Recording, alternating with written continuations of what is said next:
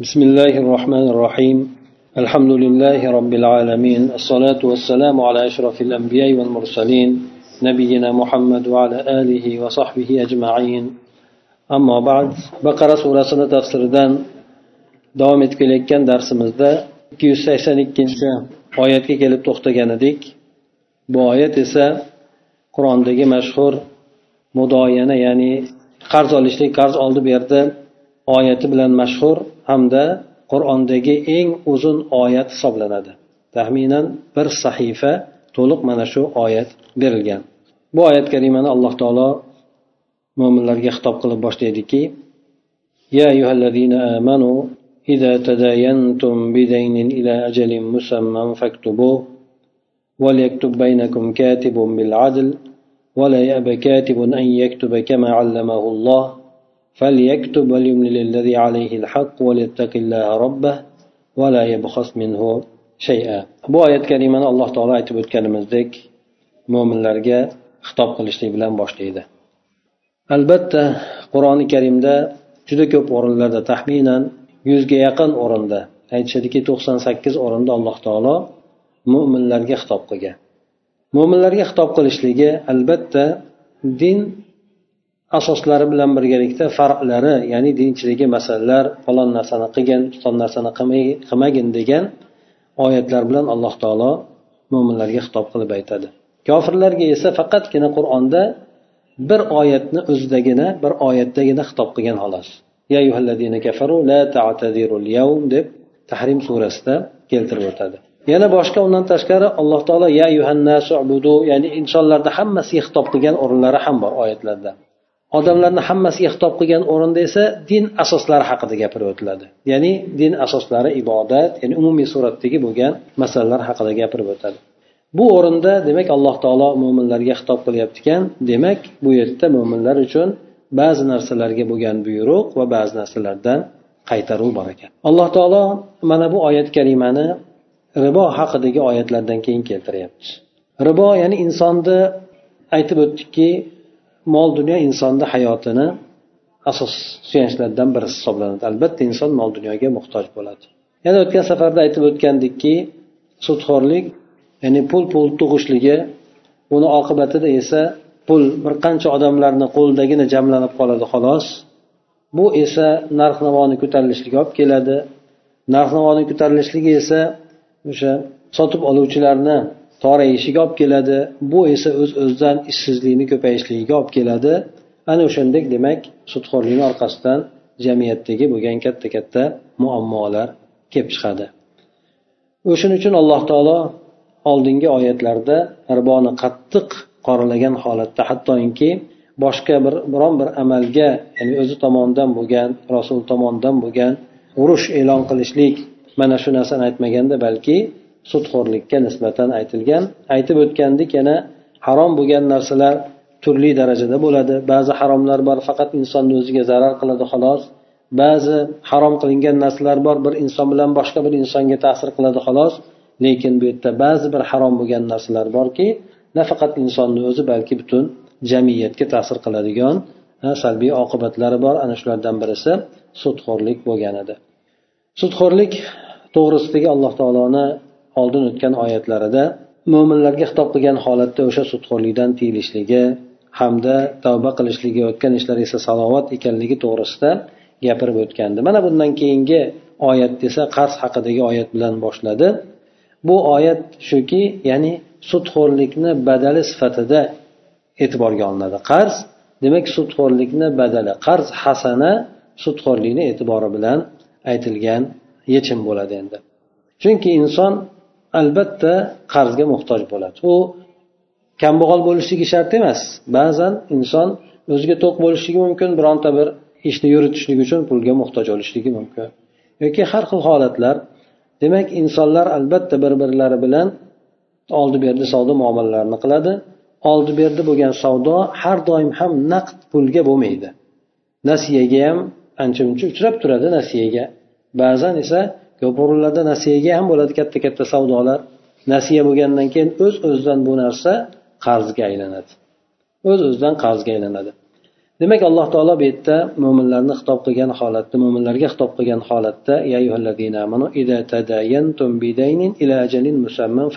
dedi.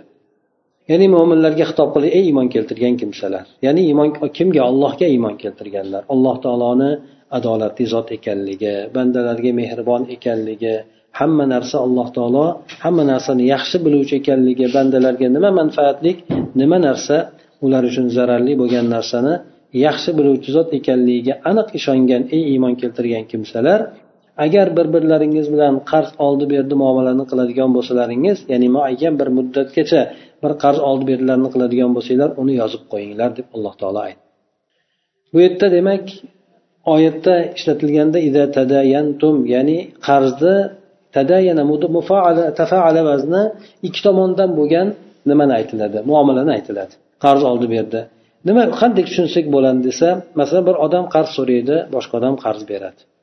Bu yerda bu uslubni qo'llanishda ba'zi olimlar aytadiki mana shu kalimani qo'llanishligida ya'ni inson birovdan qarz so'raydigan bo'lsa u o'zini biroz kamsitilgan namo ko'radi. Agar inson qarz berayotgan o'rinda uni ko'nglini ko'tarishligi uchun bo'pti. Masalan menda imkoniyat bor sizga qarz beryapman. Mabodo menda ham ehtiyoj bo'ladigan bo'lsa sizdan ham qarz olaman deb aytadigan bo'lsa shu bilan ham haligi qarz olayotgan odamni ko'ngli biroz bo'lsada ko'tariladi deydi. Ana shundan qarz oldi berdi ya'ni ikki tomondan bo'lishligi bo'ladigan bo'lsa odamlarni biroz ko'nglini ko'tarilishligi ham bo'ladi degan mazmunda ham aytishgan ekan. Demak qarz oldi berdi bo'ladigan narsa bu jamiyatdagi albatta uchrab turadigan masala. Albatta qarz olishlik degan narsa bu doim ham yomonlik bo'lavermaydi balki ko'plab muammolarni yechimi ham bo'lishligi mumkin. Lekin muammo keyin kelib chiqadi. Mana u narsalar haqida keyin aytib o'tamiz. Demak muayyan bir muddatga qarz oladigan bo'lsa bu qarz olishligi pulni o'zini so'rab kelib qarz oladimi? Yoki bo'lmasa tijorat orqali muomala qilgan paytida unga nasiyaga sotiladimi? Nasiyaga sotilganda ham bir muayyan bir muddatga bir oyga bir yilga qanchadir muddatga qo'yilib yani sotiladi endi. O'shanday bo'ladigan bo'lsa yozib qo'ying. Ana undan keyin yozib qo'yinglar degandan keyin oralaringizda yozuvchi bo'lgan odam yozadigan odam adolat bilan yozsin. Adolat bilan yozsin. Ya'ni bir narsani oshirib qo'ymasdan bir narsani kamaytirib qo'ymasdan. Chunki nimaga? Avvallari o'qimishli bo'lgan odamlar kam bo'lgan. Ko'pchilikni savodi bo'lmagan oyatlar nozil bo'lgan paytida ham. Yoki bo'lmasa ba'zi odamlarda uquv bo'lmaydi. Tijorat masalalarini yoki qarz oldi masalalarini uquvi bo'lmaydi. Unchalik tushunmaydi. Ha? Demak o'sha biladigan yozadigan odam ham birinchidan adolatli bo'lsin ham ikkinchidan adolat bilan yozsin. Ya'ni kamaytirmasdan ko'paytirmasdan o'sha borini talab qilgan narsani yozib qo'ysin dedi. Ya'ni bu yerda mufassirni ham gaplarini aytib o'tib ketamiz mufassir aytadiki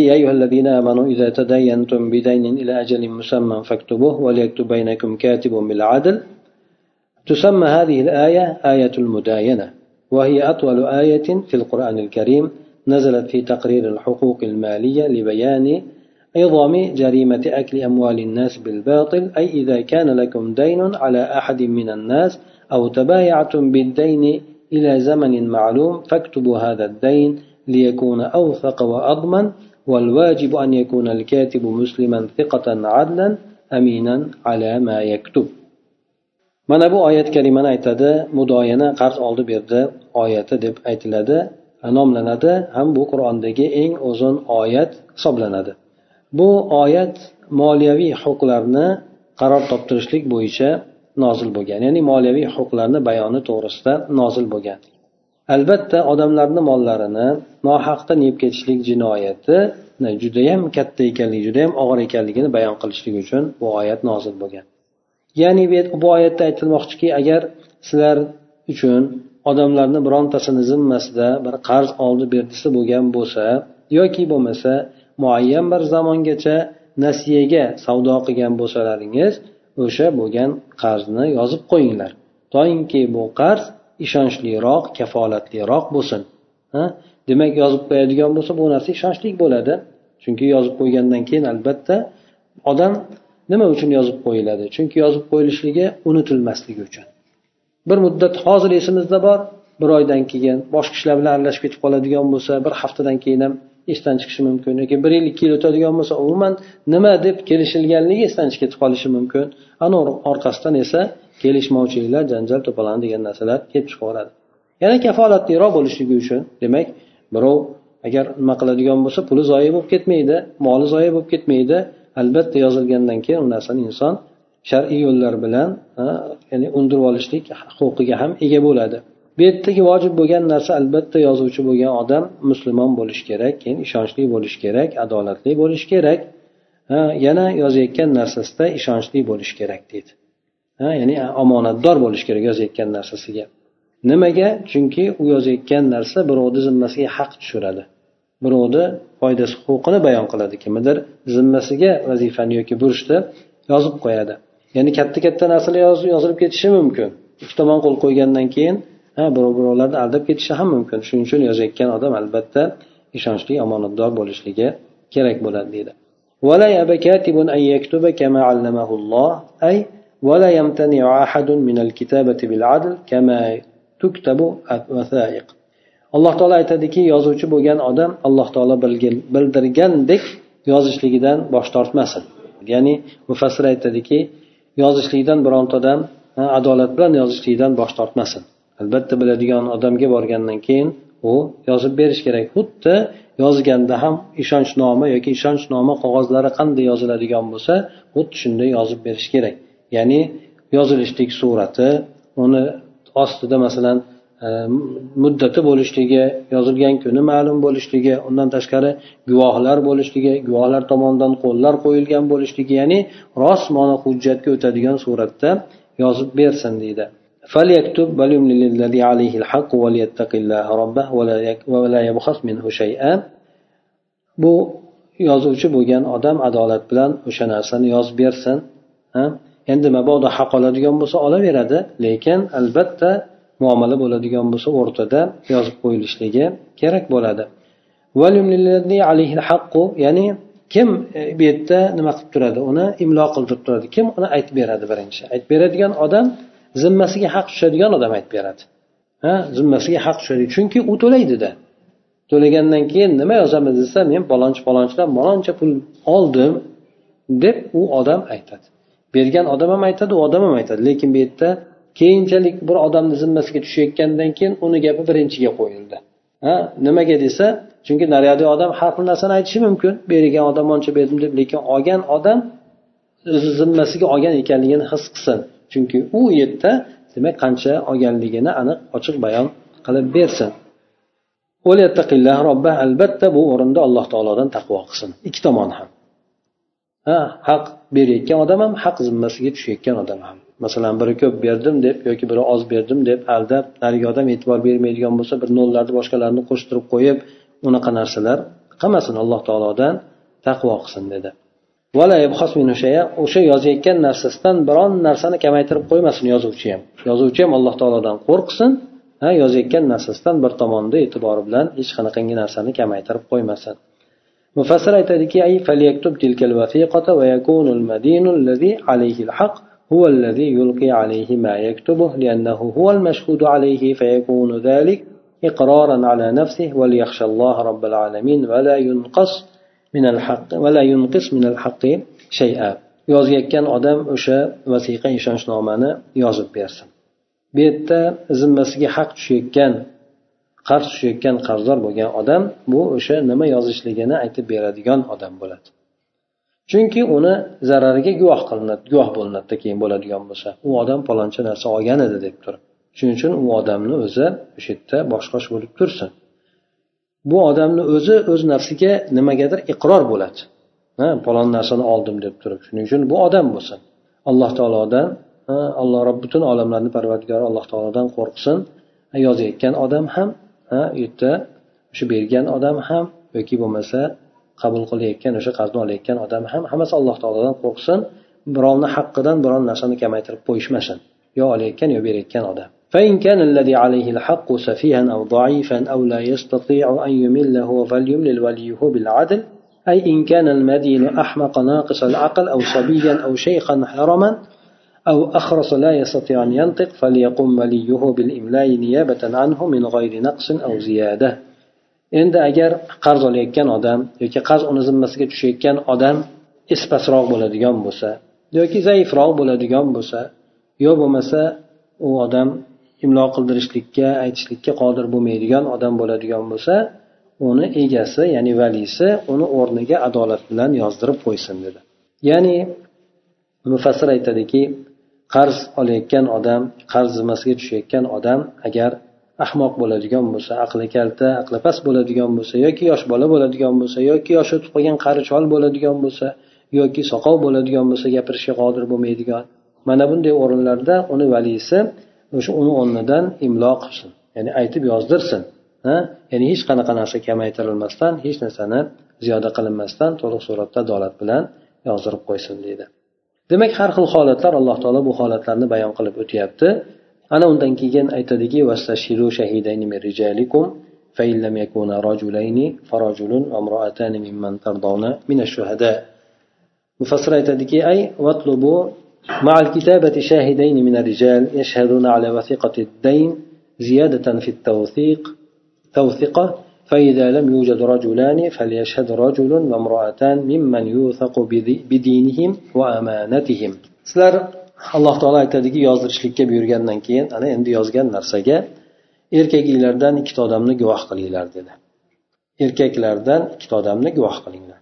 Agar ikkita erkak topilmaydigan bo'lsa chunki holatlar har xil bo'ladi erkak kishi bo'lib ham aytaylik adolatlik albatta guvoh bo'lgandan keyin adolatli bo'lishi kerak aqli raso joyida bo'lishi kerak. Agar shunday odam topilmay qoladigan bo'lsa unda bir kishiyu ikkita ayol o'zinglar rozi bo'ladigan o'zinglar haqiqatdan diniga diyonatiga rozi bo'ladigan guvohlardan bir erkaku ikkita ayol bo'lsin dedi. Agar ikkita erkak topilmaydigan bo'lsa bir erkaku ikkita ayol bo'lsin dedi. Bu yerda mufassir aytadiki yozishlik bilan birgalikda erkaklardan ikkita guvohni ham talab qilinglar. Bular o'sha qarz ishonchnomasiga guvoh bo'lishadi. Bu narsa yana ham ishonchlilikda ziyodaroq bo'lishligi uchun. Agar ikkita erkak topilmaydigan bo'lsa unda bir erkaku ikki ayol guvohlikka o'tsin. Bular o'zinglar o'sha diniga ham omonatiga ham ishonadigan odamlardan bo'lsin sababini aytdiki ikkita ayol bo'lishligida agar o'sha ayollardan birisi adashib qoladigan bo'lsa ko'proq bu yerda ayollarni e'tiborga olib aytyapti chunki muannas suratda kelyapti ihdahuma deb. Ayollardan ikkita bo'lishligi adashib qolishligi bo'ladigan bo'lsa boshqasi birisiga eslatib qo'yadi dedi. هذا بيان لاشتراط امرأتين مع الرجل الواحد أي لئلا تنسى إحداهما القضية فتذكرها الأخرى لأن الغالب على اتباع النساء النسيان لا سيما في الأمور المالية التي هي من خصائص الرجال لا انتقاصا لكرامة المرأة. Bu narsa albatta bir erkak bilan birgalikda ikkita ayolni shart qilganligini bayonidir. Nima uchun ikkita ayolni shart qilindi?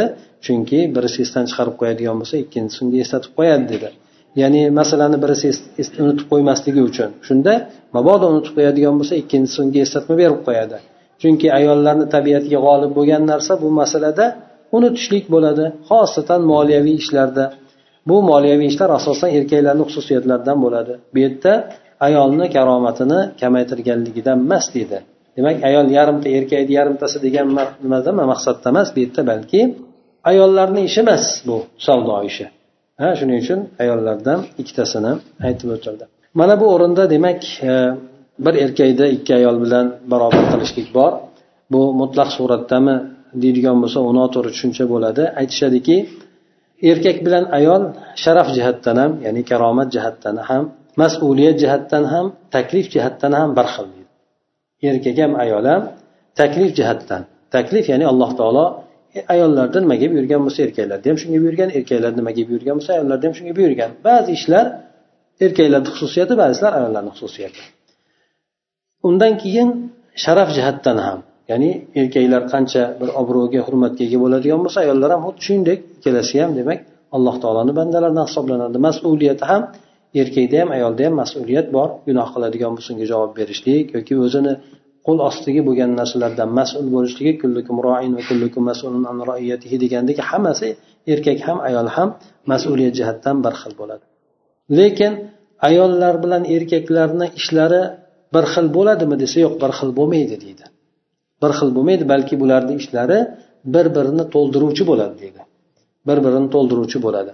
Masalan bunga misol ham aytishadiki erkakni o'zini alohida maydoni bor ayolni o'zini alohida ishlaydigan maydoni bor dedi.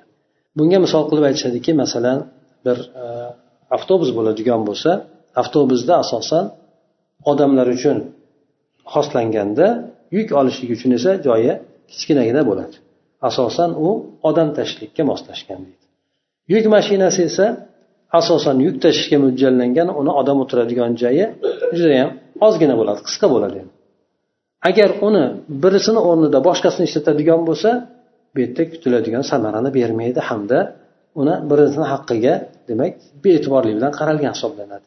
Erkak bilan ayolda ham xuddi ishi shunaqa deydi. Erkakni bir maydonga xoslab yaratilgan uni yoshligidan shu tabiat berilgan deydi ayolni boshqa bir maydonga xoslab yaratilgan deydi. Demak erkak bilan ayolni o'rtasidagi bo'lgan farq xususiyatlarida deydi. Taklifda ham emas hurmat ehtiromida ham emas mas'uliyatida ham emas balki erkak ayolni bir biridek bo'lgan xususiyatlarida. Erkakni xususiyati muayyan bir tomonlarga yo'naltirilgan ayolni xususiyatlari esa muayyan bir boshqa bir tomonga yo'naltirilgan. Agar ularni noto'g'ri ishlatiladigan bo'lsa albatta bu yerda muammo kelib chiqishligi masalan aytaylik avtobusga to'liq yuk turib turib odamlarni agar e, yuk mashinaga solib olib ketadigan bo'lsa albatta bu ularga nisbatan hurmatsizlik qilingan bo'ladi. Yukka nisbatan ham odamga nisbatan ham. Ana o'shandek demak ayol bilan erkakni e, bu yerda aytilayotganligi nima uchun bo'lmasa ikkita ayolni bitta erkakka barobar qilib aytildi desa chunki ayollarni ishi moliyaviy ish emas deydi. Hattoki shariatda ayollarga xos bo'lgan ishlarda bitta ayolni ham guvohligini qabul bitta ayolni o'zini guvoh masalan bir ayol kishi bir bolani men yoshligida emizganman deydigan bo'lsa ayolni gapini e'tiborga olishgan. Demak o'shanga emizgan bo'lsa bu bolasizlik bo'ladida u odam qizini o'g'lini bir nima qilib bo'lmaydi endi chunki u ikkitasini emizgan mana shu palonchi bilan palonchini men emizganman desa haqiqatdan shu emizganligiga bir ishora shunga o'xshagan narsa bo'ladigan bo'lsa unda e'tiborga olinadi. Hali bitta ayol bo'ladigan bo'lsa shuni guvohligini ham e'tiborga olinadi. Shuning uchun o'sha bola bilan qizni bir biriga nikohlab bo'lmaydi. Yoki nikohlanayotgan o'g'il bilan qizni shunday deb aytadigan bo'lsa ham demak u yerda kamida shubha bor deb to'xtatiladi u narsani. Hattoki bir ayolni ham guvohligi ol nimaga? Chunki bu ayollarga xos bo'lgan ishlardagi ayolni guvohligi bo'ladi. Endi ayolni erkaklarni rosmoni xos bo'lgan ishiga guvohligida albatta ayol kishini bu yerda bu boradagi nuqsonligi bor. Chunki ayolni u xususiyatidan emas erkaklarni ayolni maydoni bola chaqasi eri boshqa boshqa boshqa narsalar bilan mashg'ul bo'ladi. Undan tashqari aytadiki birinchidan e, ayol kishi zaiflik tomonlari borligi doim ham mabodo guvohlik berishlik talab qilinadigan bo'lsa ayol kishini guvohlik bo'ladigan joyga olib borishlik to'g'ri kelmaydi. Masalan bir shaharda o'lishi mumkin bir boshqa bir davlatda o'lishi mumkin. U ayolni bolasi bo'ladi erini xizmati boshqa boshqa bo'lgan narsalar bor. Bu bir tomonlama. Ikkinchi tomonlama aytib o'tganimizdek ayollarda unutishlik shu o'zini sohasi bo'lmagandan keyin u sohada unutish. Hattoki erkaklarda ham shunaqa. Erkaklarda ham agar tibbiyot sohasini oddiy bir boshqa ilm bilan shug'ullanadigan odamga bir narsasini aytadigan bo'lsa bir muddatdan keyin so'rasa bilmaydi. Chunki u qiziqmagan u shug'ullanmagan narsasida. Lekin o'zini sohasidagi odam bo'ladigan bo'lsa bu odam u narsani yaxshi tushunib yaxshi eslab qoladi. Shuning uchun ayollarda bu yerda moliyaviy ishlar ayollarni xususiyati bo'lmaganligi uchun ularda ikkita ayolni guvohligi bitta erkakniki to'g'ri keladi deb aytildi. Deydi ha shuning uchun bu yerda ayollarni o'rnini kamsitishlik emas balki ularni o'sha sohasi emasligi uchun ularni ikkitasini bitta guvohlikka qabul qilindi. Aytib o'tdik boshqa o'rinlarda hatto bitta ayolni o'zini ham guvohligini to'liq suratda qabul qilinadi. Ba'zi o'rinda erkakni guvohligini olmay ayolni guvohligini olinadi nimaga? Chunki ayol u masalaga yaqinroq ayol u narsani yaxshiroq biladi deb turib hop masalan e, payg'ambar sallallohu alayhi vasallam ba'zida oilaviy ishlar to'g'risida aytadigan bo'lsa oysha onamiz bitta narsani rivoyat qilganda abdulloh ibn abbos boshqa narsani rivoyat qilgan bo'lsa agar barobar kelib qoladigan bo'lsa oysha onamizni gapini muqaddam qilishadi. Nimaga? Chunki oysha onamiz oila ishida bo'lgan abdulloh ibn abbos esa oila ishidan yiroq bo'lgan bu kishi. Shuning uchun bu yerda oysha onamiz gaplari muqaddam qilinadi. Nimaga? Yaqin bo'lganligi uchun. O'sha ularni sohasi yoki o'sha aniq e, yaqinroq mana shu masalaga yaqinroq bo'lganligi uchun deyishadi. Ana o'shandek demak bu yerda ayollarni e, karomatini saqlab qolishlik bor. Bu yerda hech qanaqangi ayol kishi demak erkakni yarimtasi bo'ladi degan masala ham xuddi shuningdek meros masalasida ham shunaqa. Erkaklarga ayollar e, nimasidan ko'ra nasibasidan ko'ra ikki barobar ko'proq beriladi deyishligi chunki erkakni mas'uliyati kattaroq. Erkakni zimmasiga boqish tushadi ayolni zimmasiga boqilish tushadi. Ya'ni ayol boqmaydi erkak boqadi. Ha shuning uchun erkaklarga ko'proq ko'paytiribroq berilgan. Bu yerda ayollarni kamsitishlik ham bu yerda ko'rilmaydi. Ba'zi o'rinlar borki erkaklar ayollar bilan teppa teng meros oladigan o'rinlar bor. Yana ba'zi masalalar bo'ladiki unda ayollar olib erkaklar olmaydigan masalalar ham bor. Bir xil darajadagi bo'lgan ayol oladiyu erkak olmaydi. Ana o'shandek demak shariatda hamma tomonlama e'tiborga olingan bu yerda ayolni hech qanaqangi kamsitishlik degan narsa bu yerda ko'rilmaydi. agar chaqiriladigan bo'lsa guvohlar bosh tortmasin dedi. Albatta borsin guvohlar dedi. أي ولا يمتنع الشهود عن أداء الشهادة إذا ما دعوا إلى ذلك لئلا تضيع الحقوق guvohlar agar guvohlik guvohlikni o'tashlikdan chaqiriladigan bo'lsa man qilinmas ya'ni man qilmasin bormayman demasin o'zini manlanmasin toinki bu yerda unda birovlarni haqlari zoyi bo'lib ketib qoladi. Bu umumiy suratda kelayotgan guvohlarni guvohligi E, guvohlik berishligi to'g'risida. Bu yerda ayni masala to'g'risida ham guvohlikka o'tgandan keyin borib guvohligini berish kerak. Xuddi shuningdek bir narsaga guvoh bo'lib qoladigan bo'lsa ham birovni haqqi zoyi bo'lmasligi uchun u o'rinda ham inson guvohlikka o'tishligi kerak bo'ladi. Balki bu narsani vojib bo'ladi ham deyishadi.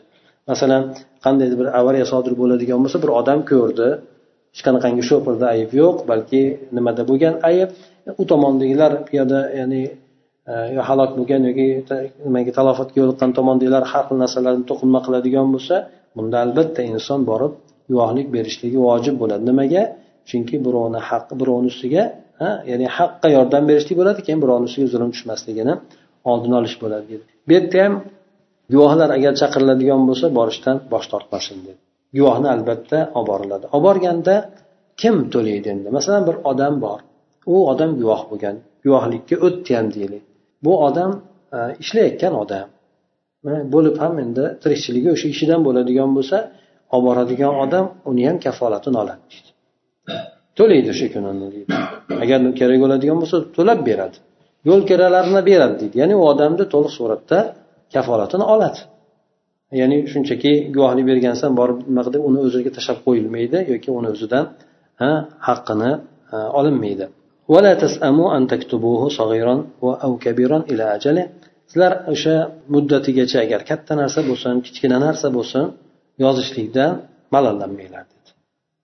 Nimaga nimaga yoziladi o'zi? Nimaga guvohlik beriladi? Aytib o'tdik yozilishligi unutilmasligi uchun guvohlik inkor etilmasligi uchun. Haqlar o'sha o'rinda qoladi.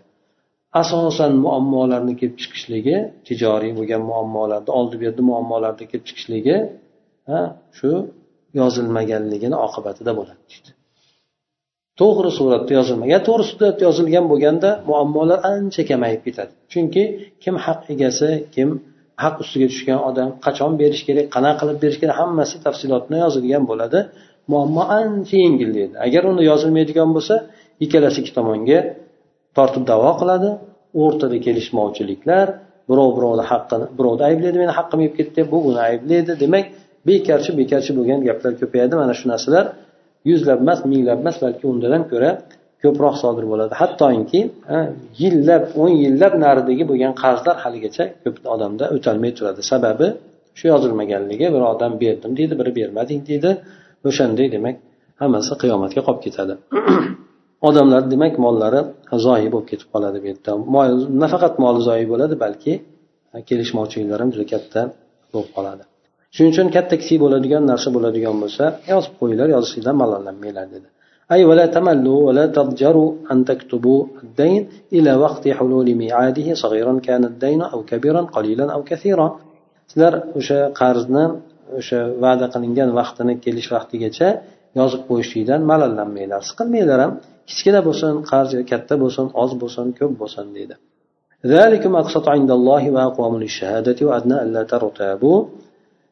أي ذلك الكتاب والتفسير أعدل في حكمه تعالى وأثبت للشهادة لئلا تنسى فالإنسان معرض للنسيان وأقرب ألا تشك في مقدار الدين والأجل. Bunday yozib qo'yishliklar alloh taoloni oldida eng adolatli bo'ladi. Va guvohlikka o'tishlikka mana shunday qilinishligi eng to'g'riroq bo'ladi. Yana shubhalarga borib yotmasligilariga yaqinroq bo'ladi dedi. Ya'ni o'sha yozilishligi qayd etilishligi bu alloh taoloni hukmida eng adolatli bo'lgan surati yoki yo'li shudir. Yana guvohlikni o'sha unutib ketilmasligi uchun yana guvoh bo'lishligi ham o'sha masalani sobitroq qiladi o'sha qarzni yoki haqni sobitroq qiladi. Inson esa albatta unutishlikka ko'ndalang bo'ladi. Bir muddatdan keyin unutadi. Ana o'shandek demak birinchidan qarz miqdori muddat miqdori qanchaligida shubhaga borinmasligiga yaqin bo'ladi. Hammasi yozib qo'yilgan issig'ida hamma narsa yozib qo'yilgan bo'ladi. إلا أن تكون تجارة حاضرة تديرونها بينكم فليس عليكم جناح ألا تكتبوها endi agar mabodo o'rtalarda turgan aylantirib turgan hozir bo'lib turgan tijorat bo'ladigan bo'lsa unda yozmasligingizda sizlarga zarar yo'q dedi. Ya'ni naqdga sotiladigan bo'lsa yana erta hamma yoq ochiq bayon qilinadigan bo'lsa birinchi ochiq bayon qilinib naqdga sotiladigan bo'lsa muammo yo'q. Va bu narsani bilib olib turib naqdga oladigan bo'lsangiz erta muammo chiqmaydi. Hamma narsasi ochiq aytilgan bo'lsa ya'ni ayblari boshqa narsasi hammasi ochiq aytilgan bo'lsa. Unda yozmasanglar bo'laveradi dedi. Ya'ni savdo erta naqdga bo'ladigan bo'lsa puli ham qo'lga oldi berdi qilib berilgan bo'lsa ana unda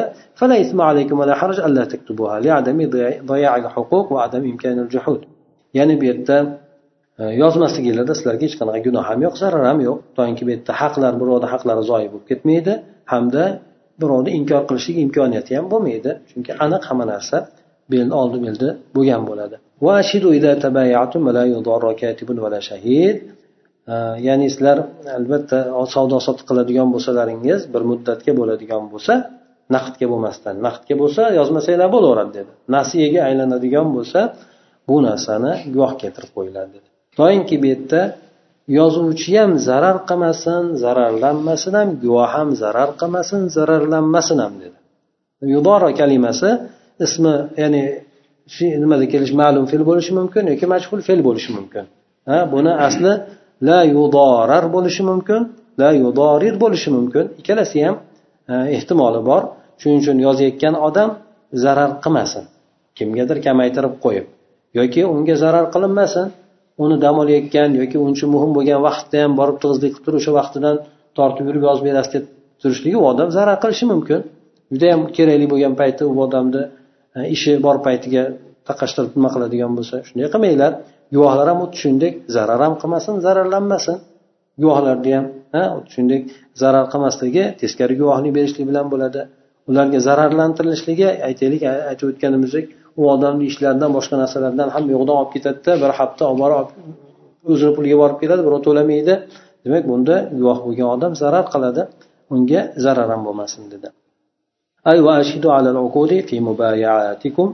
مبايعاتكم لا سيما في الأمور الكبيرة كبيع الدور والمتاجر والصفقات الضخمة التي تكون بالملايين لئلا يكون هناك جحود أو إنكار من أحد الطرفين ولا يضر صاحب الحق كاتبا أو الشاهد كأن يكلفه بالسفر إلى بلد دون أن يعطيه أجر الطريق مثلا أو يأمره أن يترك عمله ليشهد له بل يصحبه مكرما في وقت فراغه.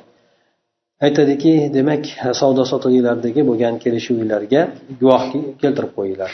Xosatan katta katta bo'lgan ishlarda uy oldi sotdilarida katta magazinlar bo'lsin yoki bo'lmasa millionlar bilan bo'ladigan katta katta e, oldi berdi muomalalari bo'lsin albatta bu yerda haligi bir ikkala tomondan bittasidan bir inkor etishlik yoki bo'lmasa bo'yniga olmaslik sodir bo'lib qolmasligi uchun.